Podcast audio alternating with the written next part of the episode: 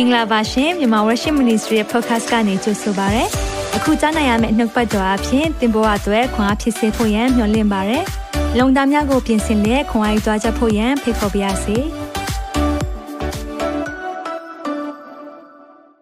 မိသားစုများအားလုံးမင်္ဂလာပါ Hosanna Hosanna Hosanna in the highest Amen ဒီနေ့ Hosanna ဖြစ်စေတည်းကျွန်တော်ဝန်ခံတဲ့အရာတွေ သတိခံချက်တွေကြားတဲ့အခါမှာဖခင်ရဲ့ကောင်းမြတ်ခြင်းကိုပဲရည်တွက်မိပါတယ်ဒါကြောင့်မိသားစုများအားလုံးကိုလည်း Happy Palm Sunday လို့နှုတ်ဆက်ပါတယ်အကယ်၍ကျွန်တော်တို့ဒီဆရာမပြောပြတဲ့ဒီ guide တွေပေါ့နော်တည်ခြင်းနဲ့အခက်အခဲရှိတယ်ဆိုရင်ကျွန်တော် page မှာတင်ထားပေးပါမယ်เนาะအဲ့ဒီမှာ download ဆွဲလိုက်ပါလို့ဒါမှမဟုတ်ရင်လည်းကျွန်တော် message ပို့ပေးပါကျွန်တော်ဒီအရာလေးအားလုံးပါဝင်စေချင်တယ်ဒီနေ့စပြီเนาะဒီနေ့စပြီကျွန်တော်တို့စာရှောင်နေပြီဆရာနဲ့ဆရာမမနေ့ပိုင်းတော့လည်းကျွန်တော် Bible study အာဝင်ငါခဲ့ကြတယ်အားလုံးပဲပါဝင်ကြတယ်အနည်းဆုံးတော့နံပါတ်1 3 4တခုခုနဲ့ပါဝင်ကြတာတွေ့ရတယ်ဒါကြောင့်အကျွန်တော်တို့လုံးဝအစာရှောင်ခြင်းမပါဝင်မပါဝင်နိုင်ရင်တော့မှကျွန်တော်တနတ်ရှောင်ခြင်းနှစ်နတ်ရှောင်ခြင်းစသဖြင့်ပါဝင်နိုင်တဲ့နည်းနဲ့ပါဝင်ပေးပါနော်ဆိုရှယ်မီဒီယာတော့ကျွန်တော်တို့ notebook တော့ခံယူတဲ့အချိန်ကလွဲလို့ကျန်တဲ့အချိန်မှာတော့ဂျေစုဖြစ်ပြီးဆိုရှယ်မီဒီယာနဲ့အချိန်မကုန်ဘဲနဲ့ဖခင်ရဲ့ notebook တော့ဖတ်ပြီးတော့နော် Facebook မဟုတ်ဘဲနဲ့ let's face this book amen face the book ဒီရဲ့စာအုပ်ကိုကျွန်တော်တို့တွေဖတ်ရအောင်လို့ဒီနေ့ခေါ်အားပေးခြင်းနဲ့ so palm sunday ဒီနေ့နှုတ်ပတ်တော်အတွက်အဖခင်ကပြင်ဆင်ပေးထားတဲ့အရာရှိတယ်မင်းညကကျွန်တော်ကို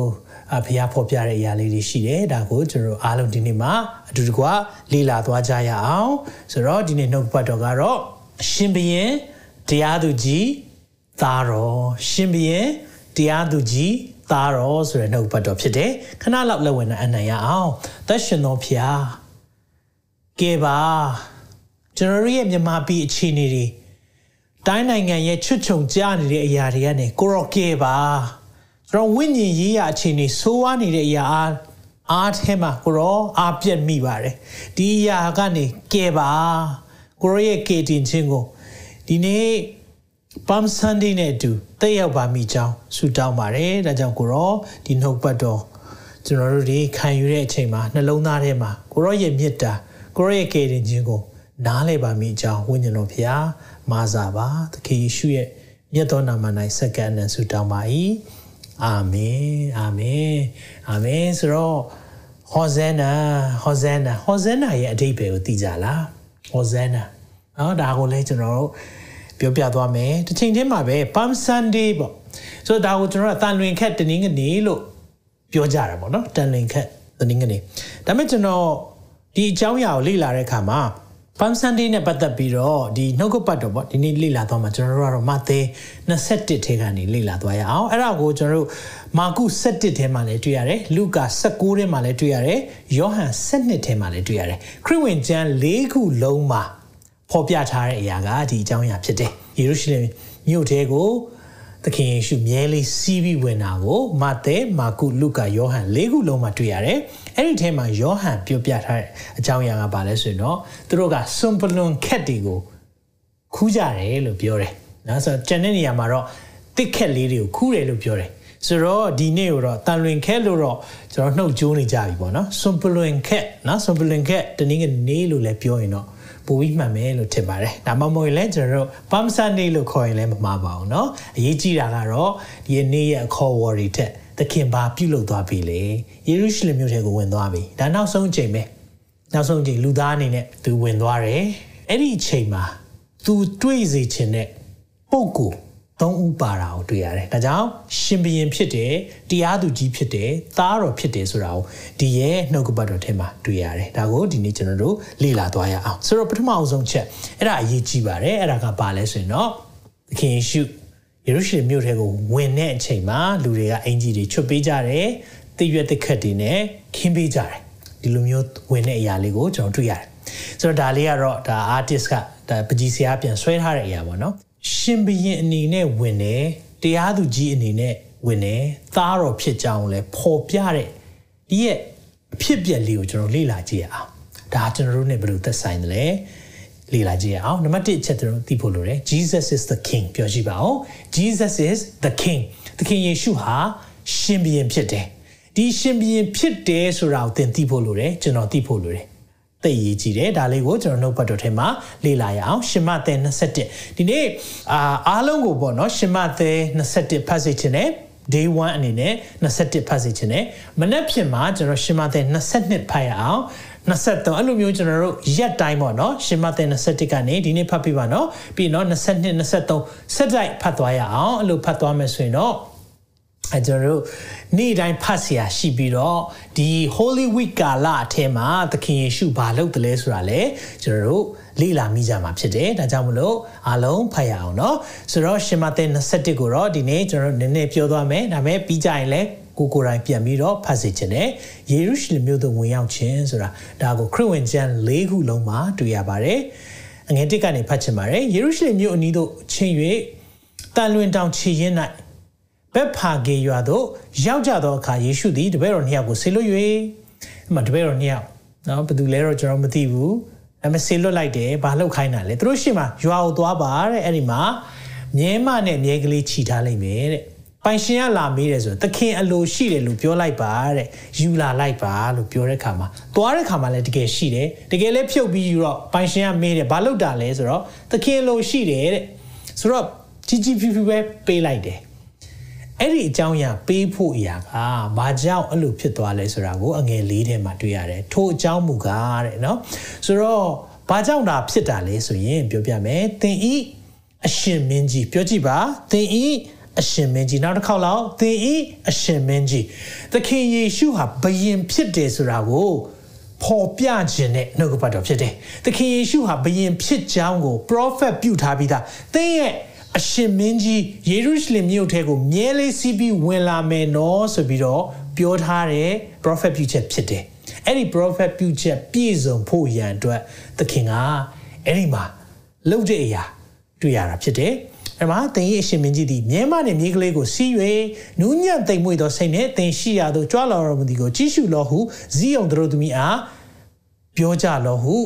ဟူသော prophet ၏နှုတ်ထွက်ပြည့်စုံမိအကြောင်းဖြစ်သည်တဲ့။ အဲ့ဒီနှုတ်ပတ်တော်ကိုဓမ္မဟောင်းထဲမှာပြောထားတာဘယ်နှယောက်သိလဲဘယ်မှာပြောထားလဲဘယ် prophet ကပြောထားလဲသိကြလားအရေးကြီးတယ်နော်ကျွန်တော်တို့ဓမ္မဟောင်းနဲ့ဓမ္မသစ်ကချိတ်ပြီးတော့ဆက်ဆက်မှုရှိတယ်ဆိုတာသိဖို့လိုတယ်ဒီရဲ့နှုတ်ပတ်တော်ဟာသခင်ယေရှုဟာလူလူလောကမှာလာတဲ့အချိန်မှာဘယ်မှာမွေးမလဲဘလို့မွေးမလဲနော်ပြီးရင်ဘယ်မျိုးရိုးကလာမလဲအပြုကညာကမွေးမယ်စသဖြင့်ဘလို့သေးမလဲသူရဲ့ နော်အဝိလုံတော်တောင်မှဘလို့မျိုးမဲခွဲပြီးတော့နှိုက်ယူကြမလဲစသဖြင့်နော်ဘသူတွေကသူ့ကိုပြစ်ပယ်ကြမလဲအကုန်လုံးအသေးစိတ်ကို prophet ပြုချက်ပြောထားပြီးသားဖြစ်တယ်အဲ့လို prophet ပြုချက်ပေါင်း300သခင်ယေရှုကပြည့်စုံစေတာဖြစ်တယ်အဲကြောင့်တလောကလုံးမှာဒီလိုမျိုးပြည့်စုံစေမဲ့သူလုံးဝမရှိဘူးအဲကြောင့်သခင်ယေရှုကဖျားဖြစ်တယ်ဆိုတာတရားရခိုင်တော့ကျွန်တော်တို့လက်ခံနိုင်တဲ့အချက်ဖြစ်တယ်အဲကြောင့် သခင်ယေရှုကနော်တချို့ကပြောလာပါပြီမှန်ပါတယ် prophet Zachary ပြောထားတဲ့အရာလေးရှိတယ်ဘာလို့ဒီနှုတ်ပတ်တော်ကိုကျွန်တော်တို့ဒီလိုမျိုးချိတ်ဆက်ပြီးပြောတာလဲတမန်ကျမ်းစာဟာဘယ်တော့မှတခုမှကိုကျွန်တော်တို့ဒီလိုဖတ်ကြည့်တဲ့အခါမှာ waste ပေါ့နော်အလအလဟတာဖြစ်ဖို့ရန်အတွက်တခုမှမစီစဉ်ထားပဲနဲ့အချိတ်ဆက်ရှိတယ်ဆိုတာသိစေချင်လို့ဖြစ်တယ်ဇာခရစ်ကိုအငယ်ကိုကိုဒီကဖတ်ကြည့်အောင်အိုးစီဟုံ သူတို့သမီးအလွန်ဝမ်းမြောက်လောအိုးယေရုရှလင်မြို့သူတို့သမီးကြွေးကြော်ကြလော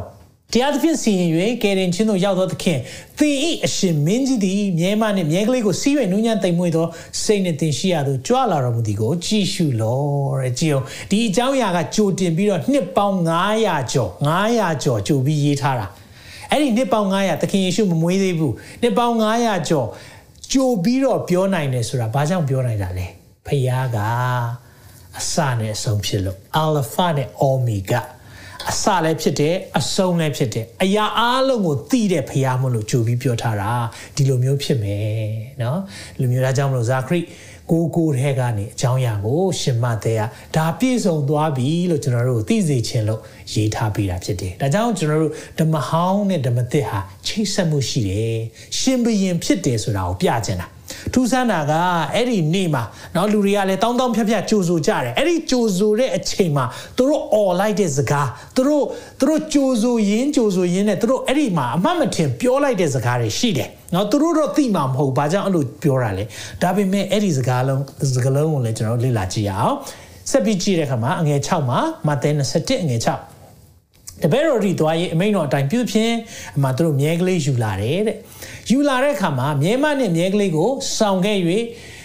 မြဲကြောပေါ်မှာမိတို့အဝတ်ကိုတင်ပြီးလင်ကိုရောသည်စီတော်မူ၏တိုင်းမသိများစွာသောလူတို့သည်မိမိတို့အဝတ်ကိုလမ်း၌ခင်းကြ၏အချို့တို့သည်တစ်ကိုင်းတစ်ခက်များကိုခုတ်၍အဲ့ဒီတစ်ကိုင်းတစ်ခက်က sumplim အပင်တွေရဲ့အကိုင်းတွေလို့ palm tree ကိုပြောတာဖြစ်တယ်ခုတ်၍လမ်း၌ခင်းကြ၏ရှင်းနောက်လိုက်သွားသောအချမ်းရံတို့ကဒါဝိဒ်၏သားတော်အား ဟောရှာနာဖြစ်စေတည်းထာဝရဘုရား၏အခွင့်နှင့်ကြွလာတော်မူသောသူသည်မင်္ဂလာရှိစေတည်းကောင်းကင်ဘဝက်ဝဲဟောရှာနာဖြစ်စေတည်းဟုကြွေးကြော်ကြ၏ဟာလေလုယာအဲ့နဲ့တမျိုးလုံးအုံအုံတဲတဲဖြစ်သွားတဲ့ခါမှာအဲ့ဒီသူကဘာတူလဲဆိုတော့နာဇရက်မြို့မှာပေါ်ထွန်းတဲ့ prophet ယေရှုဖြစ်တယ်လို့ပြောတယ်အဲ့ဒီမှာပြောသွားတဲ့အရာအငယ်ကိုလေးကျွန်တော် highlight လုပ်ထားပေးတယ်ဒါဝိဒ်ဤသားတော်ဟောရှာနာဖြစ်စေတည်းဟောရှာနာဖြစ်စေဘာအဓိပ္ပာယ်လဲဘာကိုပြောတာလဲဟောရှာနာ နော်ကျွန်တော်ခဏခဏကြားရတယ်ဒီဒီရဲ့စကားလုံးလေးတွေနော်အာဟောဇန်နာအင်္ဂလိပ်လို့ဆိုတော့ဟောဇန်နာဟောရှာနာဟောရှာနာဖြစ်စေတည်းလို့ပြောတာဘာကိုပြောတာလဲအဲ့ဒီဥစ္စာကလေဓမ္မဟောင်းထဲကနေ prophet ပြုချက်တခုပြည့်စုံတာဖြစ်တယ်။ဒါဆိုရင်ဘယ်သူပြောတာလဲဒီအရာကိုကျွန်တော်ကြည့်အောင်။ဒါဟောသိလားမသိဘူးเนาะ။ဒီရဲ့အရာသိအရေးကြီးတယ်။ဟောရှာနာဆိုတဲ့အရာသာရဖျားအခွင့်နဲ့ကြွလာတဲ့သူမင်္ဂလာရှိစေတည်းလို့ ပြောတဲ့အရာအဲ့ဒီပြောတဲ့အရာကဘသူကပြောခဲ့တာလဲကြည်အောင်တစ်ချက်လောက်အဲ့ဒါကတော့စာလံကျမ်းထဲမှာ130ရှစ်ခုမြောက်သောစာလံအပိုင်ငယ်25မှာအိုးသာရဖျားကဲတင်တော်မူပါတဲ့ဒါကြောင့်ဟောရှာနာရဲ့အဓိပ္ပာယ်ချီးမွမ်းခြင်းမဟုတ်ပါဘူးเนาะတော်တော်များများဟောရှာနာဆိုတာချီးမွမ်းခြင်းဖြစ်တယ်လို့ပြောတယ်မဟုတ်ပါဘူးဟောရှာနာရဲ့အဓိပ္ပာယ်ဟောရှာ save now now save now ယခုကယ်ပါတဲ့လူတွေကသူ့ကိုဘယင်ဖြစ်မြင်ပြီး ဂျူးတွေကလွတ်မြောက်ခြင်းပြီဘာကြောင့်လဲအဲ့ဒီအချိန်ကယောမတွေရဲ့အုပ်ချုပ်မှုအောက်မှာနေတဲ့ခါမှာသူတို့အင်မတန်မှကြက်တဲတယ်အခွန်နေဆက်ရတယ်သူတို့နိုင်ငံနဲ့သူတို့ဘယင်နဲ့နေခဲ့တဲ့သူတွေလေဆိုတော့သူသမားတိုင်းသမားသားရဲ့အောက်မှာနေရတဲ့ခါမှာသူတို့မပျော်ဘူးလွတ်မြောက်ခြင်းနဲ့ဖိနှိပ်ချုပ်ချယ်ခံရတဲ့ခါမှာအဲ့ဒါကြောင့်သူတို့ကယ်တင်မဲ့သူကိုသူတို့မေရှိယကိုအယမ်းမျှော်လင့်နေတယ်မေရှိယဆိုတာကယ်တင်ရှင်ကယ်တင်ရှင်လာမယ်ဆိုရင်တော့ဒါပေမဲ့သူတို့သူတို့မျှော်လင့်ထားတဲ့သူတို့ဖြစ်ချင်တဲ့ဘယင်က မြင်းမစီးလာပဲနဲ့မြဲမြဲစီးလာတယ်အတိတ်ပဲကပါလဲဆိုတော့မြင်းစီးတယ်ဆိုရင်အမြဲတမ်းနော်ဒါကသူ့ရဲ့ power နဲ့တကူစစ်အောင်နိုင်ကြောင်းကိုပြတဲ့စစ်သူရဲတွေဆိုရင်ဒီလိုမျိုးမျိုးတွေဝင်မြင်းနေပါလေစီးတာမြဲစီးတဲ့အတိတ်ပဲကငြိမ်းချမ်းခြင်းကိုပြတာသခင်ကငြိမ်းချမ်းခြင်းကိုလိုလားတယ် Prince of Peace ငြိမ်သက်ခြင်းရဲ့အရှင်ဖြစ်တယ်။ဒါကြောင့်ဟောရှာနာဆိုတာကဲပါဟောရှာနာဖြစ်စီတည်းဆိုတော့ကဲပါ ကဲပါလွတ်မြောက်ခြင်းပြီကဲပါသူတို့ဘယင်တအားလိုချင်တယ်အချိန်မှာသူတို့ကိုလမ်းပြပေးမဲ့သူတအားလိုတယ်ဒါပေမဲ့ဘယင်ကတကယ်လေးလာခဲ့တယ်မလာဘူးမဟုတ်လာတယ်ဒါပေမဲ့အေးတီလာလူမျိုးတွေနားမလည်ခဲ့ဘူးသူတို့လိုချင်တာကယောမတွေကိုတော်လှန်ပုံကံမဲ့သူခေါင်းဆောင်ဘယင်ကိုမျှော်လင့်တာဒါပေမဲ့တကယ်တမ်းသခင်ယေရှုကလွတ်မြောက်ခြင်းပေးချင်တာကျွန်တော်တို့ရဲ့ အတွင်းနှလုံးသားနဲ့ဝိညာဉ်ကိုဖြစ်နေတာမိတ်ဆွေနော်ဒီနေ့ဒါလေးကိုနားလည်စေချင်တယ်တခါလေမှကျွန်တော်တို့ကသခင်ကိုဖြစ်စေချင်တာတခုကျွန်တော်ပုံဖော်ထားတာသူတို့တွေရဲ့ပုံဖော်ထားတာကငါတို့ရဲ့ဘယင်လာမယ်အဲ့ဒီချိန်ကျရင်တော့ငါတို့ယောမတွေရဲ့လက်အောက်ကလွတ်မယ်ဒီသခင်ယေရှုလှုပ်သွားတာကြတော့ယောမတွေရဲ့လက်အောက်ကပဲလွတ်ဖို့မဟုတ်ဘူးထာဝရငရေမိအိမ်ကနေလွတ်ဖို့ဖြစ်နေတယ်ဟာလေလုယာ သင်နဲ့ကျွန်တော်ရဲ့ဝိညာဉ်ထာဝရကောင်းစားဖို့အတွက်သူလုပ်ပေးခဲ့တာဒါပေမဲ့သူတို့ကနားမလည်ခဲ့ဘူးသူတို့အဲ့လိုမသိခဲ့ဘူးဒါပေမဲ့သူတို့ပြောလိုက်တဲ့စကားတွေသူတို့ကြွေးကြော်လိုက်တဲ့အရာတွေအားလုံးဟာ prophet ပြုချက်တွေပြည့်စုံဖို့တွေဖြစ်နေတာဆာလန်ကျမ်းဆိုရင်ဒါနှစ်ပေါင်းထောင်နဲ့ချီပြီးကြိုပြောထားတာဒီအရာပြည့်စုံသွားတယ်ကြည်အောင်တော့ဒါကိုကြည့်တဲ့အခါမှာဟာကဲတင်ပါ အမေလူတွေကအဲ့ဒီကဲတင်မာလို့ကြွေးကြော်နေတဲ့ပါဇက်တွေမြမစကပုံကြားဘူးလားချီးမွမ်းခုနှစ်ရက်ကဲ့ရဲ့ခုနှစ်ရက်ချီးမွမ်းတဲ့နေအများကြီးပဲအင်ဂျီတွေချွတ်ပေးကြတယ်တစ်ခက်တွေခင်းပေးကြတယ်အမျိုးမျိုးကြိုဆိုရင်းကြားတာကြားကတိတ်မကြလိုက်ပါဘူးတပတ်တောင်မခံလိုက်ဘူးအဲ့ဒီကဲတင်မာထာရဖျားရဲ့အခွင့်နဲ့ကြွလာတော်သူ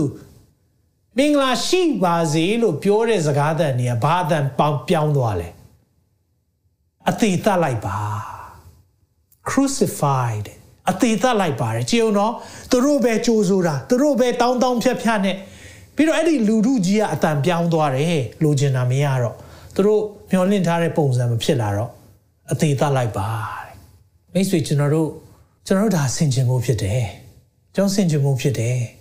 သခင်ကိုကျွန်တော်တို့ချင်းကပ်တာကိုယ့်ရဲ့လိုအပ်ချက်တွေအတွက်ချင်းကပ်တာလားဒါမှမဟုတ်ရင်သ ခင်ကိုလိုချင်တဲ့စိတ်နဲ့ချင်းကပ်တာလားဒီနေ့ကျွန်တော်တင့်ကိုချင်းကပ်စေချင်တဲ့အရာတစ်ခုရှိတယ်အဲ့ဒါကကိုယ်ဝိညာဉ်ကောင်းစားရေးအတွက်သခင်ကိုချင်းကပ်ပါပြတ်သုံးသွားမဲ့လောကအရာတွေအတွက်ချင်းကပ်တာမဖြစ်ပါစေနဲ့ blessing ဆိုရဲဖခင်ရဲ့ကောင်းကြီးတွေနောက်လိုက်တဲ့သူမဟုတ်ဘဲနဲ့ blesser ဆိုရဲကောင်းကြီးပေးတဲ့အရှင်ကိုသိကျင်တဲ့သူများဖြစ်ပါစေ hallelujah ချီးမွမ်းတဲ့နေပြောင်းသွားလိုက်မယ် လူတွေရဲ့ချီးမွမ်းတဲ့အောက်မှာအသက်မရှင်ပါနဲ့တဲ့စကားပုံတစ်ခုကြားဘူးတယ်အဲ့လိုအသက်ရှင်တဲ့အချိန်မှာတဲ့သူတို့မချီးမွမ်းတော့ပဲတင့်ကိုအပြစ်တင်တဲ့အခါမှာတင်မခံနိုင်ပဲဖြစ်သွားမယ်အဲကြောင့်ကျွန်တော်တို့ကလူတွေလက်ခုပ်တီးတဲ့အခါမှာယေရှုတင်ပါတယ်ဒါပေမဲ့အဲ့ဒီပုံမှာမตายရမိပါစေနဲ့အကြောင်းချီးမွမ်းခွန်ရဲ့ကဲရဲ့ခွန်ရဲ့ဟောရှာနာကဲပါသာရဖျားရဲ့အခွင့်နဲ့ကြွလာတော်သူမင်္ဂလာရှိစေတည်း ဒါပေမဲ့အဲ့ဒီအတန်ကြီးပြောင်းသွားတယ်အသေးသက်လိုက်ပါတဲ့သခင်ကဘာပြောလဲသာရဖျားရဲ့အခွင့်နဲ့ကြွလာတော်သူမင်္ဂလာရှိစေတည်းလို့မပြောမချင်းမပြောမချင်း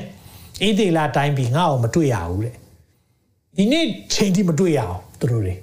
မရှိရအောင်သူတို့ရှာနေတယ်မတွေ့နိုင်ဘူးဘာကြောင့်လဲသူတို့လက်မခံခဲ့ဘူးသူတို့လက်မခံခဲ့ဘူးဒါပေမဲ့ကျွန်တော်တို့အတွက်ကောင်းကြီးဖြစ်သွားတယ်ဟာလေလုယာကျမ်းစာသိတဲ့သူတွေပဲ ကျမ်းတက်ပုဂ္ဂိုလ်တွေပါတယ်အဲ့ဒီထဲမှာဒါပေမဲ့ကျမ်းစာကိုပဲသိပြီးတော့ကျမ်းစာရဲ့အရှင်ကိုမတွေ့ဘူးဝမ်းနေဖို့သိကောင်းတယ်ဝိညာဉ်မျက်စိတွေကန်းနေတာအဲကြောင့်ကျွန်တော်တို့ကျမ်းစာကျွမ်းကျင်ပြီးတော့သခင်ကိုမတွေ့တဲ့ဖွဲ့ထဲမှာမပါရအောင်အာမင်အဲကြောင့်ကျွန်တော်တို့ခုနကျွန်တော်ဖတ်ခဲ့တဲ့နှုတ်ပတ်တော်ကြည့်တဲ့အခါမှာသာရဖျားရဲ့အခွင့်နဲ့ကြွလာတော်သူဒီဆာလံ138ကလေအင်မတန်မှအရေးကြီးတဲ့ ဆာလံသချင်းဖြစ်တယ်เนาะဒါသချင်းသူတို့အနေနဲ့ဒါသချင်းပေါ့ကျွန်တော်တို့ကတော့ဆာလံကျမ်းကျမ်းအနေနဲ့ဖတ်တာသူတို့ကဒါသချင်းဆိုတာဆိုတော့အဲ့ဒီမှာသူကသာရဖျားအခွင့်နဲ့ကြွလာတယ်မင်္ဂလာရှိပါစေဒီရဲ့ဆာလံ138ကပတ္တခါကာလမှာသူတို့တီးဆိုတဲ့ဆာလံထဲမှာပါတယ်ပတ္တခါပွဲနေမှာတော့ ဆိုတယ်အဲ့ဒီမှာအငယ်20ခွန်ကြည့်ကြည့်လိုက်နော်ကျွန်တော်ကြုံလို့ပြောပြချင်ထာဝရဘုရားသည်ဘုရားသခင်ဖြစ်၍ငါတို့၌ရောင်ကြည်တော်လွတ်တော်မူ၏ဒီမှာနော်ရစ်တင်ရအကောင်ကိုရစ်ပလင်ဥကြုံ၌ဂျိုးနဲ့ခြီကြလောတဲ့အဲ့ဒီရစ်ကောင်ကိုတတ်မယ်ရစ်ပလင်ကျိုးနဲ့ချီမယ်ဆိုပြီးသူတို့အဲ့ဒီသချင်းဆိုတဲ့အချိန်မှာတစ်ဖက်မှာသခင်ယေရှုကိုတတ်ဖို့လုပ်တဲ့အချိန်တပြိုင်တည်းဖြစ်နေတာပတ်တခါသချင်းဆိုနေတာနော် ရစ်ကောင်တဲ့လှုပ်ပါတဲ့ဒါပေမဲ့သူတို့မသိလိုက်ဘူးတစ်ချိန်ဟိုးဖက်မှာသခင်ယေရှုကလဝါကားတိုင်းမှာတက်ဖို့အစဉ်သင့်ဖြစ်နေတာသူတို့ဒီဒီချင်းဆိုတယ်အမြဲတမ်းဆိုတယ်ရစ်တင်ရန်ကောင်ကိုရစ်ပလင်ဦးဂျုံနဲ့ကျိုးနဲ့ခြီပါသူတို့ထုံတန်းစင်လာအဲကြောင့်ကျွန်တော်သိကြဖို့ကောင်းတယ်ထုံတန်းစင်လာပဲဖြစ်ပြီးတော့သခင်ကိုမတွေ့ဘူးဆိုရင်သိဝမ်းနေဖို့ကောင်းတယ်ဒါပေမဲ့ကျွန်တော်ဘယင်ဖြစ်တယ်ဆိုတာကိုဒီနားလည်စေချင်တယ်အာမင်ဘယင်ဖြစ်တယ် ဘယင်အနေနဲ့ကြွလာတာဒီနေ့ဘယင်အနေနဲ့အဲ့ဒီမြို့ထဲကိုဝင်တာခန်းခန်းနာနာကြီးကိုဝင်တာဒါပေမဲ့မြင်းစီးပြီးဝင်တာမဟုတ်မြဲစီးပြီးဝင်တာဘာကြောင့်လဲတင်နဲ့ကျွန်တော်ရဲ့မငြိမ်းချမ်းတဲ့ကဘာကိုငြိမ်းချမ်းမှုပေးခြင်းတာဟာလေလုယာပြတ်သုံးမဲ့ကဘာထဲမှာမဟုတ်ဘဲနဲ့ထာဝရကဘာထာဝရကောင်းကင်နိုင်ငံကိုပြင်ဆင်ပေးရလမ်းကိုဖွင့်ပေးတာဒီအနေနဲ့သူကဝင်လာတယ်ဆိုတော့ကျမ်းစာတအုပ်လုံးမှာကြည့်ရင်သခင်ယေရှုအမြဲတမ်းသူတို့တွေက prophet အနေနဲ့မြင်တာရှိတယ်เนาะဒါဘုရားပို့ဆောင်တဲ့ဘုရားလူတယောက်အနေနဲ့တော့မြင်တာရှိပေမဲ့ဘယင်အနေနဲ့အခုလိုကြိုးဆိုတာဒီတနေရာမှာပဲတွေ့ရတယ်။ဒါပေမဲ့သူတို့မျှော်လင့်တယ်လို့မဖြစ်လာဘူး။လူတွေစိတ်ပြောင်းသွားတယ်။ဒါပေမဲ့ကျွန်တော်နဲ့တင်တဲ့နားလည်ဖို့ကပါလဲဆိုတော့ယေရှုဟာရှင်ဘုရင်ဖြစ်တယ်။အာမင်။ရှင်ဘုရင်ဖြစ်ခြင်းဖြစ်တဲ့အတွက်တင်တဲ့ကျွန်တော်သူပိုင်တယ်။ရှင်ဘုရင်ဖြစ်တဲ့အတွက် သင်နဲ့ကျွန်တော်ဟာချီးမွမ်းဖို့လိုတယ်ဒါကြောင့်သူ့ကိုချီးမွမ်းကြတော့ကြံတဲ့ပုံကိုယ်တွေကပြုဟောက်ကြတာပေါ့ဘလို့ဖြစ်တာလဲကလေးတွေကလည်းဟောရှာနာတွေပါတွေပြောကုန်ပြီသာရဖျားရဲ့အခွင့်နဲ့ကြွလာတော့သူမေရှိယလာတယ်လို့ဘာလို့ကြိုးဆိုတာလဲဆိုသခင်ယေရှုပြန်ပြောတယ်ကလေးတွေရဲ့နှုတ်ခမ်းထဲမှာတော့မှချီးမွမ်းခြင်းကိုထည့်ထားပေးပြီးသားဖြစ်တယ်တဲ့ဟာလေလုယာနှိုးဆုတငယ်တွေတောင်မှထည့်ထားပေးပြီးသားတယ်ပြောချင်တဲ့သဘောကသင်နဲ့ကျွန်တော်ဘုရားချီးမွမ်းဖို့အလိုရှိတယ်အာမင်ချီးမွမ်းပါအောင် အာမင်ဘုရားရှင်နာမတော်ဘုန်းကြီးပါစေလို့ချီးမွမ်းပါအောင်အာမင်ယေရှု ရှင်ဘုရင်ဘုန်းကြီးပါစေလို့ချီးမွမ်းပါအောင်ရှိတဲ့နေရာမှာအာမင်ဘာကြောင့်လဲအဲ့ဒီချီးမွမ်းခြင်းကိုဖခင်ကထည့်ထားပေးပြီးသားဖြစ်တယ်ဒါမဲ့စာတန်ကအဲ့လိုချီးမွမ်းမှကြောက်တော့တင်းကိုအခြေအနေနဲ့ပိတ်တယ်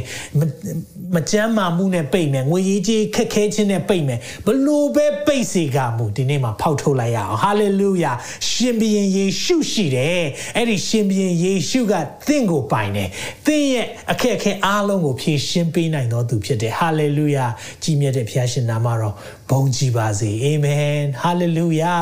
ဒါကရှင်ဘုရင်ဖြစ်ကြောင်းသခင်ယေရှုပြသွားတဲ့အရာဖြစ်တယ်ဒါပေမဲ့သူ့ကိုညင်းတယ်ဘာကြောင့်ညင်းလဲအဲ့ဒီစာလံ138သိရေးကြီးတဲ့စာလံဖြစ်တယ်နော်ပသခါပွဲမှာအဲ့ဒီဟာလဲကျွန်တော်ဖတ်စေချင်တယ်အားလုံးကိုနော်စာလံ138လဲဒီကာလထဲမှာဖတ်ဖတ်ရမယ့်အရာတွေမှာတစ်ခုပါတယ်နောက်ပိုင်းဖတ်ရမယ့်အရာလေးတွေလည်းကျွန်တော်ထပ်ပြီးပေးသွားမယ်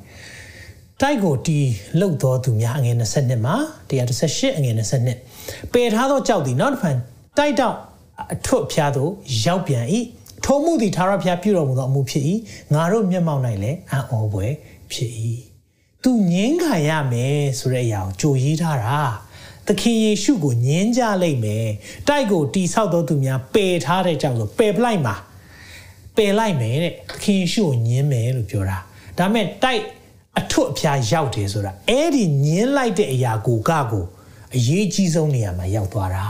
foundation ကျွန်တော်တို့အတွက်သခင်ယေရှုကိုသိကျွမ်းခြင်းဟာကျွန်တော်ယုံကြည်ခြင်းရဲ့အခြေခံအုံမြစ်ဖြစ်သွားတာအာမင်။အဲကြောင့်ဆာလံ138ကအင်မတန်မှအရေးပါတဲ့တမန်ကျမ်းစာဖြစ်တယ်။အခုဒီလိုမျိုးเนาะကျွန်တော်တို့ Simplon Cat တနင်္ဂနွေနေ့ Palm Sunday မှာတည်ထားတဲ့အရာဖြစ်တယ်။အဲကြောင့်ဟောရှာနာဟောရှာနာပါလေကဲပါ။ ဒီနေ့သင်ရဲ့တက်တာမှာအခက်အခဲရှိနေလား။မိသားစုအတွက်ဝိညာဉ်ရေးရမှာတော့လကောက်ကာယဘိုင်းရဆိုင်ရမှာတော့လကောက်အခက်အခဲရှိနေတယ်ဆိုရင်ဒီနေ့ဟောရှာနာလို့អော်လိုက်ပါဟာလေလုယာသခင်သင်ကိုကယ်မခြင်းနဲ့ပြီးကြရင်ကျွန်တော်တို့ဒီအတွက်လဲဆုတောင်းပေးမယ်အာမင်ဆက်ပြီးကြည့်အောင် Jesus is the judge သခင်ယေရှုဟာတရားသူကြီးဖြစ်တယ်သခင်ယေရှုဟာတရားသူကြီးဖြစ်တယ်မြို့တဲကိုဝင်တဲ့အခါမှာရိုးရိုးပဲဝင်တာမဟုတ်ဘူးဘယင်အနေနဲ့ဝင်လာပြီ သူ့ prophet ယေရှုလို့သိကြတယ်ဒါပေမဲ့ဒီအချိန်မှာယေရုရှလင်မြို့ထဲကိုဝင်သွားတဲ့အခါမှာဘယင်အနေနဲ့ဝင်တယ်ဒုတိယပုဂ္ဂိုလ်ကပါလဲဆိုတော့တရားသူကြီးအနေနဲ့လည်းဝင်တယ်ဒါကိုဒီရဲ့မာသဲ21ထဲမှာပဲတွေ့ရတယ်ဗိမာန်တော်ကိုတန့်စင်ခြင်းငယ်ဆက်နှစ်ကိုကြည့်အောင်ယေရှုသည်ဘုရားသခင်ဗိမာန်တော်သို့ဝင်တော်မူပြီးလေဗိမာန်တော်၌ရောင်းဝယ်တော်သူအပေါင်းတို့ကိုနှင်ထုတ်၍ငွေလဲတော်သူတို့ ဤခုံများကို၎င်းဂျိုးငယ်ရောင်းတော်သူတို့ဤထိုင်နေရတို့ကောင်တွန်းလှဲတော်မူလျက်ငါအိမ်ကိုဆုတောင်းရအိမ်ပြောကြည့်ပါငါအိမ်ကိုဆုတောင်းရအိမ်နောက်တစ်ခါလောက်ငါအိမ်ကိုဆုတောင်းရအိမ်ဟူ၍ခေါ်ဝေါ်ကြလက်တန်းဟုကျမ်းစာ၌လာတော်လေသင်တို့သည်ထိုအိမ်ကိုဓမြတွင် ဖြစ်စေကြပြီတကားဟုမိန်တော်မူ၏ ထိုအခါဗိမာန်တော်၌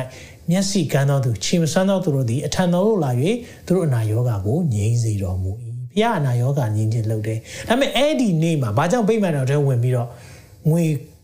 လဲတဲ့ခုံတွေကိုပေါက်ပလိုက်လေဂျုံငယ်ရောင်းတဲ့သူတွေတိုးလှဲပလိုက်လေပတ်သက်ခါကာလမှာအပြစ်လွတ်ချင်တယ်ဆိုရင်သင်နဲ့ကျွန်တော်ကသိုးစိတ်အဲ့ဒါမတတ်နိုင်ဘူးဆိုရင်ဂျုံငက်နော်ဒါတွေကိုယိဘရဟိတ်စီမှာယူလာဖို့လိုတယ် အကယ်၍သင်ဟာခီးရက်ပေါင်းများစွာသွားတယ်ဆိုရင်ဒီတရိတ်ဆန်နေနဲ့ခီးသွားဖို့ဆိုတာမလွယ်ဘူးမလွယ်တဲ့အခါမှာသူတို့ကအိမ်ကနေယူလာရင်လည်းဥမာထိရှနာသွားတယ်ဆိုရင်လည်းသုံးလို့မရတော့အဲ့လိုဖြစ်တဲ့အခါမှာသူတို့ကအိမ်ကနေမယူလာတော့ဘဲနဲ့ဗိမာန်တော်ရောက်မှပဲဝယ်လိုက်တယ်ဒါပေမဲ့ဖြစ်ချင်တော့ဗိမာန်တော်မှာဂျိုးငှက်တွေဝယ်တယ်ငှက်တွေဝယ်တယ်တိုးတွေဝယ်တယ်ဆိုရင်ဈေးသိပ်ကြီးတယ်မတရားတင်ထားတာ တကယ်တော့ဖះကဒီအရာကိုလုပ်တာကစီးပွားရေးလုပ်စေချင်လို့မဟုတ်ဘူး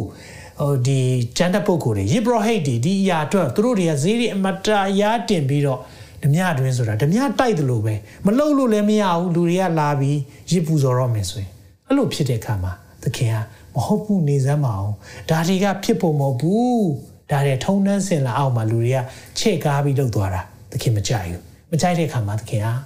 နော်တနေရာမှာဆိုရင်သူက နော်အဝတ်ကိုကြိုးချစ်ပြီးတော့လိုက်ကိုရိုက်တာမှောက်လန့်ဖြစ်တယ်အင်မတန်မှစိတ်ဆိုးတယ်ငါအိမ်ငါအိမ်ဆူတောင်းရအိမ်ဖြစ်ရမယ်ဒီကျွန်တော်တို့ဒီဒီအရာကိုဆင်ခြင်တဲ့အခါမှာငါအိမ်ဟာဆူတောင်းရအိမ်ဖြစ်ရအောင်အိမ်ပဲကိုယ်အိမ်လည်းဖြစ်နိုင်တယ်ဗိမ္မာန်တော်လည်းဖြစ်ရအောင်ဒီဒါကြောင့်ဗိမ္မာန်တော်ထဲမှာကြောင့်တန်းတာတယ်ဒါဝိမင်းကြီးရတယ်တန်းတာတယ်သူရှောလူလိုက်တာတော့ထွက်ပြေးနေလှိုင်ကူထဲမှာအိတ်လိုက် တောင်ကြားမှာအိတ်လိုက်မျိုးမျိုးသူဖြစ်တဲ့ခါမှာသူတန်းတာတာသူ့ရဲ့အိတ်ရကောင်းကောင်းလေးမဟုတ်ဘဲနဲ့ဖះရဲ့ဗိမာန်တော်တန်တာတယ်။ဒါကြောင့်ကျွန်တော်တို့ဒီအရေးကြီးတဲ့အရာလေးကဘာလဲဆိုတော့ကျွန်တော်ရဲ့သက်တာစီးပွားရေးတွေနော်ဒီရဲ့ချမ်းသက်ပုံကိုယ်တွေကျွန်တော်နှိုင်းရှင်ကြည့်မယ်ဆိုရင်ကျွန်တော်အသက်တာမတန့်ရှင်းခြင်းကိုပြောတာ ဖခင်ရဲ့ဗိမာန်ကျွန်တော်တို့ဟာတန့်ရှင်းသောဝိညာဉ်တော်ရဲ့ဗိမာန်ဖြစ်တဲ့အခါမှာအထဲမှာမတန့်ရှင်းတဲ့အရာတွေသခင်မကြိုက်ဘူးဒါကြောင့်ဒီအရာတွေကိုရှင်းလင်းပြစ်ချင်တာဒါကြောင့်ကျွန်တော်တို့ရဲ့အသက်တာမှာအသက်တာမတန့်ရှင်းတဲ့အရာများရှိခဲ့မယ်ဆိုရင်ဒီနေ့မှာတန့်ရှင်းအောင်ကျွန်တော်သခင်ရဲ့ရှေ့မှာပြန်လာပြီကိုရောကိုရောရဲ့အသွေးတော်အပြင်ကျွန်တော်တို့ကိုတန့်ရှင်းစေတကယ်တော့ကျွန်တော်ရဲ့စိတ်ခန္ဓာဝိညာဉ်အားလုံးကိုတန့်ရှင်းစေပါလို့သခင်ထံမှာပြန်ပြီးဆုတောင်းမှုဖြစ်တယ်။အဲကြောင့်သခင်ကတရားသူကြီးဖြစ်တာ။ तू စီရင်လို့ရတယ်။သူ့ရဲ့ကိုယ်ခန္ဓာသူ့ရဲ့ဗိမ္မာန်တော်တင့်ကို तू ပိုင်တယ်။အဲကြောင့်မလို့ तू ဟာတရားသူကြီးအနေနဲ့ဝင်လာတာ။ဝင်လာပြီးတော့ तू ဗိမ္မာန်တော်ထဲမှာ तू လှုပ်ပလိုက်တယ်။လှုပ်ချင်တယ်လို့လှုပ်တယ်လို့ကျန်တဲ့ပုဂ္ဂိုလ်တွေကမြင်ကြတယ်။ အဲ့လိုမဟုတ်ဘူးဒါသခင်ရသခင်က तू ဟာဒီအရာကိုပြန်ဖြတ်လိုက် तू ၃ရက်အတွင်းစောင့်မယ်ဟာဒါကိုအောင်ဒါဖះကိုစော်ကားတဲ့စကားတွေပြောနေပြီအဲ့လိုမျိုးမြင်ကြတာတကယ်တော့ तू ပြောချင်တာ तू ရှင်ပြန်ထမြောက်မယ်အဲဆိုတော့ဒီမှာကြည့်တဲ့အခါမှာသခင်ယေရှုဟာတရားသူကြီးဖြစ်တယ်ဆိုတာတွေ့ရတယ်။နောက်အဲ့ဒီအဖြစ်ပြက်နောက်ွယ်မှာ တော့ဘာတွေ့ရသေးလဲဆိုတော့တင်မောသဖန်ပင်ကိုဒဏ်ခတ်တဲ့အရာလေဒီမဿဲ21ထဲမှာပဲတွေ့ရတယ်နော်မဿဲ21အငယ်18မှာအဲ့ဒီနေ့ပြီးတော့နနက်အချိန်တိုင်းနောက်တည့်ရက်ဖြစ်သွားပြီပေါ့နော်ဒါ Monday ဒါခုနကတော့ Palm Sunday ဖြစ်မယ်ဆိုရင်တော့ဒါ Sunday ဖြစ်တယ်ဆိုရင်ဒါ Monday ဖြစ်ပုံရပါတယ်နနက်အချိန်တိုင်းမြို့တို့ပြန်ဆိုရင်စာမှုတ်တော်မူ၏ဆိုတော့သူဘိုက်စာတယ်ဘိုက်စာတော့လမ်းနားမှာတင်မောသဖန်ပင်တပင်ကိုမြင်လင်ထိုပင်တို့ကြွသွား၍အရွက်ကိုသာတွေ့တော်မူသည်ရှိတော့ ယခုမှစရဲ့အစင်မပြတ်တင်၌အသီးမသီးစေနေဟုမိန်တော်မူလင်းထိုပင်သည်ချက်ချင်းတွေးချောက်လေ၏တဲ့တင်မောသဖန်းပင်ကိုချိန်ဆလိုက်တာအသီးမသီးလို့အရွက်တွေပဲရှိနေတယ်ဆိုတော့တင်မောသဖန်းပင်ကဘာသဘောပုံဆောင်လဲအဲ့ဒါလေအရေးကြီးတယ်ကျွန်တော်ဒီအရာလေးပုံဆောင်ချက်နှစ်ခုရှိတယ်နော်ဆိုတော့ပထမတစ်ခုကဘာလဲဆိုတော့တင်မောသဖန်းပင်လို့ပြောလိုက်တိုင်း Israel နိုင်ငံကိုပြောတာအေဒီလာတိုင်းပြည်ကိုပြောတယ် ဆိုတော့ဖယားကမျောလင့်ထားတယ်နော်သူလောကကိုမေရှိယအနေနဲ့လာတယ်ကျမ်းကျမ်းစာပြည့်စုံချက်တွေအများကြီးနဲ့လာတယ်မြဲလေးစီးပြီးတော့ရှင်ပြင်းကိုယ်တိုင်လာတယ်ညင်းပယ်တယ်လက်မခံဘူးသူ့ကိုဖယ်ထားကြတယ်အဲ့လိုဖယ်ထားတဲ့အခါမှာတနည်းအားဖြင့်ဘာဖြစ်တာလဲဆိုအဲ့ဒီသင်္ဘောတပန်းပဲအသီးမသိတာအသီးမသိတာရွက်တွေပဲရှိပြီးတော့ဟန်လေးပဲရှိတာအဆန်မရှိဘူး ဟန်လေးပဲရှိပြီးတော့အဆန်မရှိတဲ့အသက်တာသခင်မကြိုက်ဘူးမကြိုက်တဲ့အခါမှာဘယ်တော့မှအတိမတိနဲ့ပြောထည့်ပလိုက်တယ်ကျိန်ဆိုလိုက်တဲ့အခါမှာအဲ့ဒီအပင်ကအဲ့ဒီနေ့မှာညှိုးသွားတယ်ဒါပေမဲ့ဒါဆိုရင်အဲ့ဒီအပင်ညှိုးသွားလားအပြင်မှာရောအပြင်မှာဆိုတဲ့အခါမှာဒီရဲ့ပုံဆောင်ချက်ပေါ့နော်ဣတိလာတိုင်းပြီဘာဖြစ်သွားလဲကျွန်တော်ပြောပြမယ်ဒီရဲ့ပုံလေးတစ်ခုကြည့်ပေးပါအဲ့ဒါကဘာပုံပုံဖော်ထားတာလဲဆိုရင်တော့ဒါကယေရုရှလင်မြို့ AD 80ဆိုတာသခင်ယေရှုကောင်းကင်ပြန်တက်ကြွပြီးမကြောက်နှစ်ပေါင်း30လောက်အတွင်းမှာ340အတွင်းမှာပေါ့နော်ဒါဖြစ်ပျက်တဲ့အရာ General Titus ဆိုတာနော် Titus စစ်ဘုချုပ်ပေါ့ဒါဒါကတော့ယောမစစ်ဘုချုပ်ကယေရုရှလင်မြို့ကိုသိမ်းပိုက်တယ်တိုက်ခိုက်ပြီးတော့မီးတွေရှို့ပြီးတော့ဖျက်ဆီးပလိုက်တယ်အဲ့ဒီကနေဖျက်ဆီးလိုက်တဲ့အရာဂျူးတွေကိုလိုက်တတ်တဲ့အခါမှာသူတို့တွေက ထွက်ပြေးတိမ်းရှောင်လိုက်ရတာများနော်တချို့တွေဆိုရင်အခုဆိုရင်ယူကရိန်းမှာလည်းရှိတယ်ရုရှားမှာလည်းရှိတယ်နော်အခုဂျူးတွေထွက်ပြေးလိုက်ရတာအမေရိကမှာလည်းရှိတယ်။များကြီးနိုင်ငံတိုင်းကိုရောက်သွားတယ်။သူတို့နိုင်ငံမရှိတော့ဘူး။ဘာကိုပြောတာလဲ။အဲ့ဒီအသီးမသီးတဲ့အပင်ညှိုးစေတာ။တိုင်းပြည်ပြတ်သွားတာ။တိုင်းပြည်မရှိတော့ဘူး။တိုင်းပြည်မရှိဘဲနဲ့သူများတိုင်းနိုင်ငံမှာသွားပြီးတော့မျက်နှာငယ်လေးနဲ့ခိုးလုံရတာ။အဲ့ဒီတိုင်းပဲ။ ပျောက်သွားတယ်သခင်ကတင်တဲ့ကျွန်တော်လေအတီးတီးစေခြင်းနဲ့နော်တင့်ကိုသခင်ကအတီးတီးပုံမျောနေတယ်ဒါကြောင့်ဝန်ခံပါအောင် ကျွန်ုပ်ကဟန်ပဲမဟုတ်ပဲအဆန်ရှိတော်သူဖြစ်တယ်လို့ဝန်ခံရအောင်အာမင်။ဘာကြောင့်လဲအရေးကြီးတယ်ကျွန်တော်တို့ mindset ကိုကကိုပြောင်းဖို့လိုတယ်ကျွန်တော်တို့ဟာဟန်ပဲမဟုတ်ပဲနဲ့အဆန်ရှိတဲ့သူတွေဖြစ်ရအောင်အာမင်။ကျွန်တော်ဟန်လေးနဲ့ပဲခရိယန်ခရစ်ဟန်မဟုတ်ဘူးလေနော်ခရစ်ဟန်ဖြစ်လို့မရဘူးခရစ်ယန်ဆိုတဲ့သူဟာယေရှုသေးသေးလေးတွေယေရှုနှောက်လိုက်လေးတွေလို့ပြောတာ။ဒါကြောင့်မလို့ကျွန်တော်တို့ကဟန်ဆောင်ပြီးချစ်တာမဟုတ်ဘူးအတွင်းနှလုံးသားတွေကချစ်တာဖះကိုဖះဝင့်နိုင်မှု့လျော်တာပုံမှန်လေးလှုပ်ထုံးလှုပ်နီးမဟုတ်ဘူးတကယ်ကိုဖះနဲ့ယဉ်နီးကျွမ်းဝင်ခြင်းလို့လှုပ်တော်သူတွေဖြစ်ဖို့လိုတယ်အာမင်အဲ့လိုလူမျိုးဖြစ်တယ်ဆိုရင်ဖះကဒါခရိယန်လို့တမတ်တာခရစ်ဟန်မဟုတ်ဘူးလေအာမင်ဟန်မဟုတ်ဘူးအဆန်ရှိတယ်အဲကြောင့်အသီးသီးဖို့ဘုရားမျိုးလင့်ထားတယ်နော်မိတ်ဆွေဒီနေ့အသီးသီးပြီလား တင်းရဲ့အသက်တာမှာအရွက်ပဲရှိနေတာအရွက်ဆိုတာအပေါ်ယံပဲပြောတာဒါပေမဲ့အသီးသခင်ရှာနေတာအသီးဒါကြောင့် तू ကတရားသူကြီးဖြစ်တယ်အဲကြောင့်ကျွန်တော်တို့တရားပလင်စီရင်ခြင်းအကြောင်းတွေလည်းပြီးခဲ့တဲ့ရက်ပိုင်းတွေမှာကျွန်တော်လေ့လာပြီးပြီတရဖူအကြောင်းတွေလည်းလေ့လာပြီးပြီဖခင်ကျွန်တော်တို့ကိုစုချခြင်းနဲ့ကျွန်တော်တို့အသီးသီးတဲ့အသက်တာဖြစ်ရင် तू ပြန်ပြီးတော့ကျွန်တော်တို့အတွက်စုချမယ်စုလက်တွေပြင်ဆင်ထားတယ်မိတ်ဆွေအသီးသီးပြီလား ဟာမဲရှိနေသေးတယ်ဆိုရင်ဒီနေ့သခင်ကတော့စီရင်မှာနော်။ဘာကြောင့်လဲသူဟာတရားသူကြီးဖြစ်တယ်။ဒါကြောင့်သူစီရင်တာဗိမာန်တော်လည်းတန့်ရှင်းရမယ်။ကျွန်တော်တို့ကိုပြောတာအထက်ကကိုခန္ဓာထဲမှာမတန့်ရှင်းတဲ့ຢာတွေတန့်ရှင်းရမယ်။အရွက်ပဲရှိလို့မရဘူးအသီးသီးရမယ်။ဟန်မဲမရဘူးအဆန်ရှိရမယ်။အာမင်။ဒီလိုမျိုးရှိတဲ့သူဒါကြောင့်မလို့သခင်ဟာတရားသူကြီးဖြစ်တယ်ဆိုတာကိုပြသွားတယ်။ နောက်တစ်ခုသခင်ပြသွားတာရှိတယ်အဲဒီမာသဲ27ထဲမှာပဲနောက်တစ်ခုပြသွားတယ် Jesus is the son သခင်ယေရှုဟာသားတော်သားတော်ဖြစ်တယ်ဖခင်ရဲ့သားဆိုတာ तू ဖခင်ဖြစ်ကြောင်းပြတဲ့အရာအဲ့ဒီမှာ तू ပုံဥပမာလေးတစ်ခုပြောတယ်ဒီကျမ်းတဲ့ပုံကိုယ်တွေ religion ဆိုတာတော့ဒါဘာသာရေးဆရာတွေပေါ့နော်အဲ့ဒီအချိန်တုန်းကတကယ်ကိုလူမှုအတိုင်းဝိုင်းမှာတို့ကယာထုအကြီးကြီးတွေယူထားပြီးတော့အော်လူရှေ့မှာအင်မတန်မှဂုံအသေး ကြီးတဲ့သူတွေပေါ့နော်အဲ့ဒီသူတွေတွေ့တဲ့ခါကျတော့သူသူတို့နဲ့ပတ်သက်ပြီးတော့ဥပမာစကားလေးတစ်ခုပြောတယ်အင်ရှင်တူသည်เนาะအငယ်33ကနေဖတ်ချင်ပါတယ်။စပြစ်ဥယျင်ကိုစိုက်ပြိုလျက်ဆောင်းရမ်းကိုလှုပ်ပြီးမှဆိုတော့ခြံစည်းရိုးကာတယ်လို့ပြောချင်တာဖြစ်တယ်။စပြစ်သီးနေရခြင်းကိုတူးလေ၏မိခိုစရာစင်လင့်စင်ကိုလည်းစောက်လေ၏လှုပ်ဆောင်သောသူတို့အားဥယျင်ကိုငှား၍အခြားပြည်သို့သွားလေ၏ဆိုတော့လှုပ်ဆောင်ဖို့ဥယျင်ဆောင်နေကိုငှားလိုက်တယ်တဲ့။ဥယျင်မှုက ဥယျင်ပိုင်ရှင်ကဒါတထေးပေါ့။ तू ကငှားခဲ့ပြီးတော့သွားတယ်။အသီးသီးချိန်ရောက်တော့ကပြောကြည့်ပါဦး။အသီးသီးချိန်ရောက်တော့ခါနော်ယုံကြည်သူရဲ့ဘဝမှာဟန်မဟုတ်ဘဲနဲ့အဆန်ရှိဖို့ဖခင်အင်မတန်မှမျှော်လင့်ထားတယ်အသီးသီးဖို့တွေခဏခဏပြောတယ်အသီးသီးရင်ရောက်တဲ့ခါမှာတဲ့အသီးကိုခံစေခြင်းကငယ်သားတို့ကိုဥယျာဉ်ဆောင်လို့ရှိရသူစေလွတ်ဤတဲ့လွတ်လိုက်တယ်တီးတီးချင်းရောက်ပြီဆိုတော့အသီးသွားခူးဖို့အသီးတွေခူးထားလားသွားယူဖို့ ထိုသူတို့ဒီငယ်သားများကိုဖမ်းပြီးတယ်တူကိုရိုက်ရွက်တူကိုတိုက်ရွက်တူကိုခဲနေပစ်တယ်တဲ့ကြည့်အောင်နော်ဒီဥယျာဉ်ဆောင်တွေကိုကြည့်အောင်ဒီဥယျာဉ်ဆောင်နေအကြောင်းပြောပြီးတယောက်ကိုဖမ်းတယ်တယောက်ကိုရိုက်တယ်တယောက်ကိုခဲနေပစ်တယ်နောက်တစ်ဖက်အရင်ထက်များသောအခြားငယ်သားများကိုဆေလွတ်ပြန်လေဥယျာဉ်ဆောင်သူတွေရှေးနည်းအတူပြုကြ၏ဘာလို့ပြောချင်တာလဲဒီနေ့ဖခင်ကဣသေလတိုင်းပြည်ကိုမျောလင့်ချက်တွေအများကြီးထားတယ်ဣသရေလနိုင်ငံကိုမျောလင့်ချက်တွေအများကြီးထားတဲ့အတွက် သူ့ရဲ့ prophet တွေနဲ့ဆေလွတ်ပြီးတော့အမြဲတမ်းသတိပေးတယ်ဒါမဲ့ prophet တွေကိုဂဲနဲ့ပေါက်လိုက်လွှာနဲ့ဖြတ်လိုက်ဓာတ်နဲ့ခုတ်လိုက်အမျိုးမျိုးလုပ်ပြကြတယ်အဲ့ဒီဥယျာဉ်ဆောင်နေဆိုတာခေါင်းဆောင်တွေဘာသာရေးဆရာတွေဖះနဲ့မသွားလာတဲ့ခေါင်းဆောင်တွေတိုင်းပြည်ခေါင်းဆောင်တွေဒီအရာကိုပြောတာသားတော်ကိုညင်းပယ်တဲ့သူတွေအဲ့ဒါနဲ့ဘာဆက်ဖြစ်လဲနှုတ်ဘတ်တော်နဲ့ကြည်တဲ့ခါမှာငယ်30ခွန်မှာနောက်ဆုံးနိုင်ဥယျာဉ်ရှင်ကကဲမဖြစ်ဘူး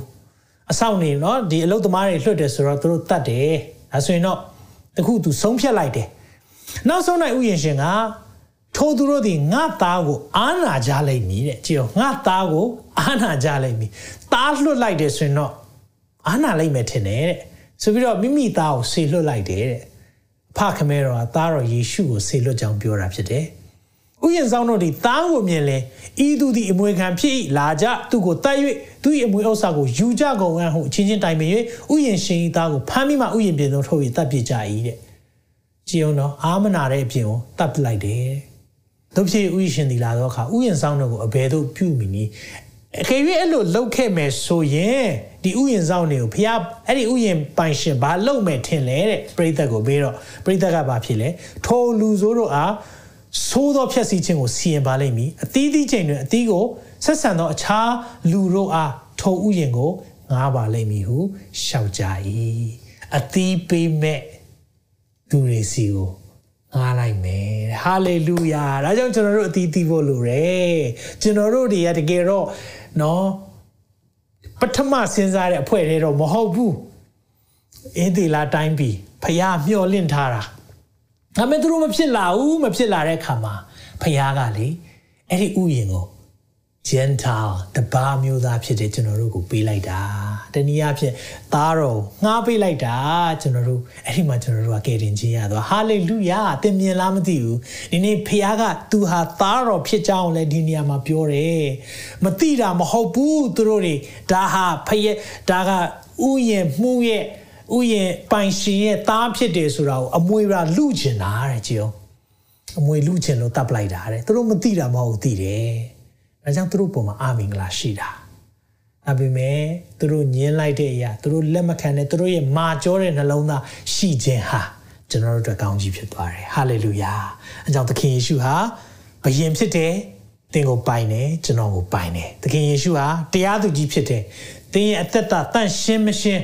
သူစစ်ဆေးလိုက်မယ်။ဗိမာန်တော်ကိုသူတန့်ရှင်းတဲ့ကဲ့သို့သင်နဲ့ကျွန်တော်ရဲ့အတွင်းနှလုံးသားကိုတန့်ရှင်းဖို့ဘုရားလိုတော့ရှိတယ်။အသီးသီးမသီးစစ်ဆေးမယ်။အကယ်၍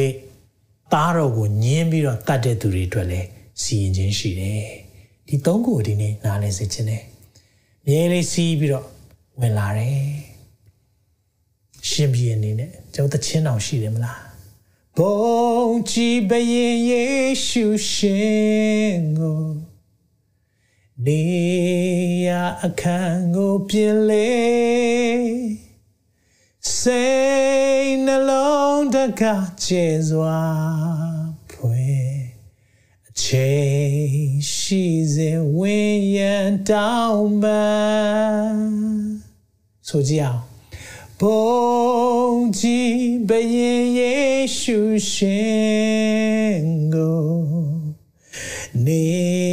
ရ အခန်းကိုပြင်လေစိတ်နှလုံးတကားချေစွာဖွယ်အချိန်ရှိစဉ်ဝိညာဉ်တောင်းမမိတ်ဆွေအချိန်ရှိသေးတယ်နော်ဒီနေ့မှာဝင်လာလို့ရတယ်အဲ့ဒီ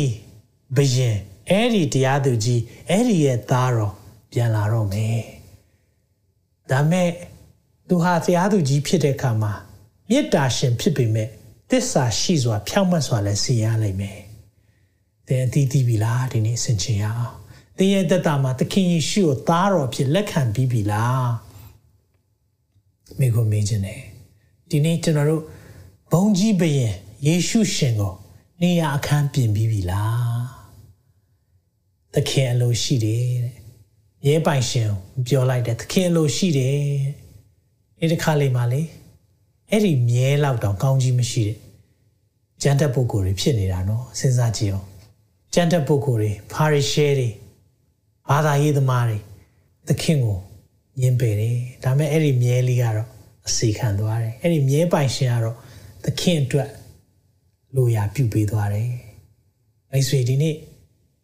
ကျွန်တော်နဲ့တင်အောင် သခင်မျှော်လင့်နေတာအများကြီးရှိတယ်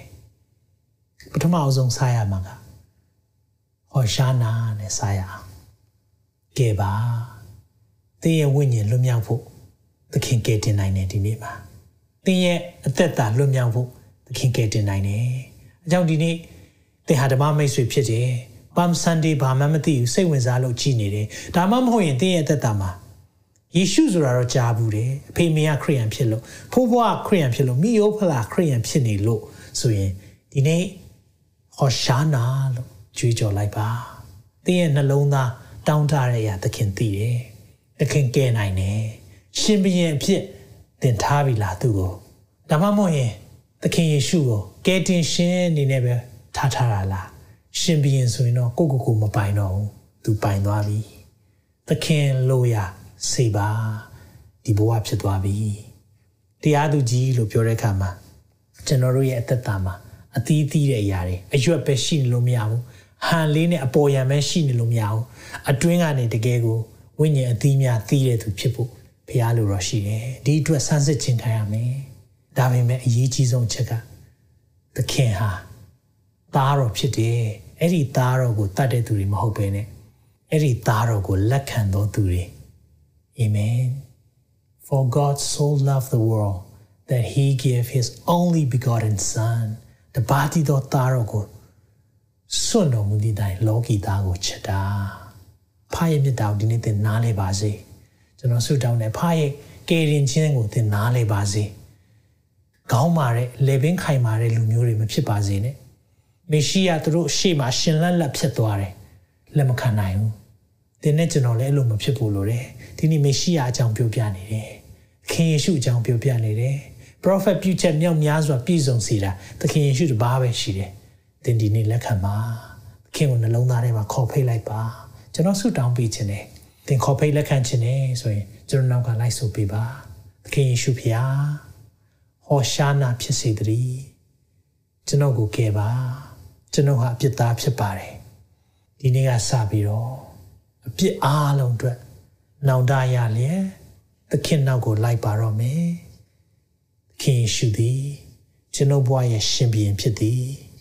သခင်ယေရှုသည်ကျွန်ုပ်ဘဝရဲ့တရားသူကြီးဖြစ်သည်သခင်ယေရှုသည်ဖခင်ဤသားတော်ဖြစ်ကြောင်းနှုတ်ဖြင့်ဝန်ခံတယ်လို့နှလုံးသားကလည်းယုံကြည်ပါတယ်သခင်ယေရှုနာမ၌ဆုတောင်းပါ၏အာမင်အာမင်ဟာလေလုယာ ကျွန်တော်ရဲ့သက်တော်ဖခင်ဒီနေ့မှာရှင်ဘုရင်အနေနဲ့ရောတရားသူကြီးအနေနဲ့ရောသားတော်အနေနဲ့ရောဝင်လာပြီဖြစ်တယ်နေရာပေးရအောင်သခင်ကိုနေရာပေးရအောင်အာမင်ကျွန်တော်ဆုတောင်းပေးခြင်းနဲ့ချို့လူတွေဒီနေ့ခက်ခဲနေတယ်ချက်တဲနေတယ်တင်းလွတ်မြောက်ခြင်းနဲ့ဒါပေမဲ့မေရှိယမလာတော့ဘူးလားလို့ဝမ်းနဲ့ကြည်ကွဲစွာခံစားနေရပြီလား ရတတိခံတဲ့ညီမငယ်လို့တိုင်းဝိုင်းနေရထိုးနှက်ချက်အောင်ပါကျမတို့ခင်ယေရှုနာမလိုက်နိုင်တော့ဘူးထင်တယ်ကျမယုံကြည်ခြင်းကိုတော့ဆွလွတ်တော့မယ်လို့ခံစားနေရတယ်ဆိုရင်ဒီနေ့မှာမေရှိယတကယ်လာပါတယ်မေရှိယဟောရှာနာကဲပါလို့ကဲပါယခုကဲပါလို့ဒီနေ့ကျွန်တော်တို့သခင်တန်တိုးဝင်မှုဖြစ်တယ်ကျွန်တော်ဆုတောင်းပေးပါရစေသ ခင်ယေရှုဖျားရောတိုင်းပြည်ရဲ့အခြေအနေကြောင့်ကျွန်တော်တို့တွေခက်ခဲနေပါတယ်ကဲပါဟောရှာနာဟောရှာနာဟောရှာနာရောကဲပါကိုရောကဲပါကျွန်တော်တို့ရဲ့တိုင်းနိုင်ငံကိုရောကဲပါကိုရောကြည့်ရှုကြပါတစ်ချိန်တည်းမှာပဲကျွန်တော်တို့ရဲ့ဝိညာဉ်ကိုကိုရောကဲလို့ယေရှုတင်တယ်လို့ကိုရောမပြောင်းလဲသေးတဲ့သူများတွေ့လဲသတိရပါတယ် ကျွန်တော်အိမ်နီးနားချင်းနေကျွန်တော်တိုင်းနိုင်ငံမှာတန်းနဲ့ချီပြီးမပြောင်းလဲသေးတဲ့သူတွေခရစ်တော်ကယ်တင်ပိုင်ရှင်နဲ့အရှင်သခင်ဖြစ်မသိသေးတဲ့သူတွေလက်မခံသေးတဲ့သူတွေအများကြီးရှိပါတယ်ကိုရောဒီအတွက်ကိုရောတိုင်းပြည်ကိုအကြည့်ရှုကြပါရောကျွန်တော်တို့ဒီ Holy Week အစားရှောင်ခြင်းမှာကျွန်တော်တိုင်းနိုင်ငံအတွက်လည်းငိုကြွေးပါတယ်တိုင်းနိုင်ငံအတွက်လည်းကျွန်တော်တို့တွေဝန်တာထားလျက်ကိုရထံမှာတိုးဝင်ပါတယ်ကိုရောကေပါကေပါဟောရှာနာ ဟောရှာနာကိုရောကေပါကိုရောရဲ့အချိန်ထဲမှာကိုရောအလုပ်လုပ်တယ်ဆိုတာကျွန်တော်ယုံကြည်တယ်။တစ်ချိန်ထဲမှာပဲကိုရောရှင်မြင်ဖြစ်တယ်ကျွန်တော်တို့ကိုပိုင်တော်သူဖြစ်တယ်။ချိန်ထဲမှာပဲကိုရောတရားသူကြီးဖြစ်တယ်ကျွန်တော်တို့ကိုအသီးသီးဖို့ကျွန်တော်ရဲ့အသက်တာတန့်ရှင်းဖို့ကိုရောစီရင်တဲ့သူဖြစ်တယ်ဆိုတာကျွန်တော်ဒီနေ့နားလဲရတယ်လို့ချိန်ထဲမှာပဲကိုရောဟာသားတော်ဖြစ်တယ်။သားတော်ရင်းကိုမြမနှမျောပဲ ငါတို့အဖို့လို့ငါစွန့်တော်မူသောသူသည်သားတော်နဲ့တကွခတ်သိမ်းသောအရာကိုမပေးပဲအဘယ်သို့နေမည်။ကိုရောဆိုတော့လိုချင်တဲ့နိုင်ငံရေးအဖြစ်တခုရပါမိအကြောင်းကိုရောတိုင်းပြည်ကိုကြည့်ရှုကြပါဒီချိန်ထဲမှာပဲကိုရောဒီအခက်ခဲခြင်းကာလဖြတ်တန်းတဲ့အခါမှာကိုရောရဲ့နာကျင်ခြင်းများကိုရောရဲ့ခက်ခဲခြင်းများကိုလည်းနားလည်တော်သူများဖြစ်ဖို့ Lord we want to share your suffering ကိုရောရဲ့နာကျင်ခြင်းကိုမျှဝေခြင်းနဲ့ကိုရောနဲ့နီးကပ်တော်သူများဖြစ်စီလို့ယေရှုတင်ပါတယ်မကရောကျွန်တော်ယုံကြည်တယ်ကျွန်တော်မျှော်လင့်ထားတဲ့အရာရှေ့မှာကောင်းဆုံးသောအရာတွေရှိနေသေးကြောင်းဝန်ခံပါတယ်ဒါကြောင့်ကိုရောကျွန်တော်ဒီအစာရှောင်ခြင်းကာလမှာကြချိုးဖဲ့လက်ကိုကိုကိုချိုးနိုင်လက်ကိုရောထံတိုးဝင်ပါတယ်ကိုရောလက်ခံပေးပါကျွန်တော်ဖတ်တဲ့နှုတ်ပတ်တော်များနားထောင်တဲ့တရားများနားထောင်တဲ့သခြင်းများအဖြစ်ကိုရောစကားပြောပါကျွန်တော်ဝိညာဉ်ရေးရာကိုကိုရော နောက် level တစ်ခုမြင့်တင်ပေးပါဂျေဇုတင်တယ်ဒါကြောင့်ဒီနေ့နှုတ်ပတ်တော်ခံယူကြတဲ့သားသမီးအကြီးဆုံးမှအငယ်ဆုံးတိုင်ဖခင်ရဲ့ညီသက်ခြင်းဝမ်းမြောက်ခြင်းပျော်ရွှင်ခြင်းများတက်ရောက်ပါစေငွေကြီးနဲ့ဝယ်ယူလို့မရတဲ့ဖခင်ရဲ့စစ်မှန်သောကောင်းကြီးများခံစားရပါစေမြတ်တော်မူတဲ့သခင်ယေရှုနာမ၌ဆုတောင်းကောင်းကြီးပေးတဲ့ဒီအစီအစဉ်ကိုဒီမှာရုပ်သိမ်းကြပါ၏ဖာအာမင်အာမင်အာမင်ကိုအစာရှောင်တဲ့ကာလအတဲမှာဖခင်နဲ့ကောင်းကောင်းချိန်ယူပါ 52ပတ်ရ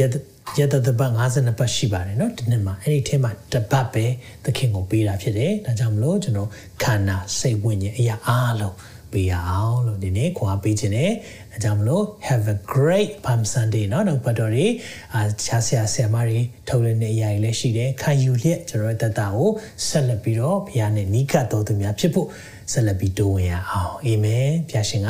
တာ၍ကောင်းချီးပေးပါစေမနက်ဖြန်မှာပြန်လည်ဆုံတွေ့ပါအောင်မယ်နော် God bless you all တင်ခုလိုနာဆင်ခွန်အားနိုင်ခြင်းဟာမြန်မာ Worship Ministry ကိုလာဆင်ပန်ပိုးနေကြတဲ့ Kingdom Partners များအကြောင်းဖြစ်ပါတယ်။ဖျားခင်နိုင်ငံတော်ကျယ်ပြန့်ရေးအတွက်လာဆင်ပေးကမ်းပောင်းဖို့ရန်ဖိတ်ခေါ်လိုပါတယ်ရှင်။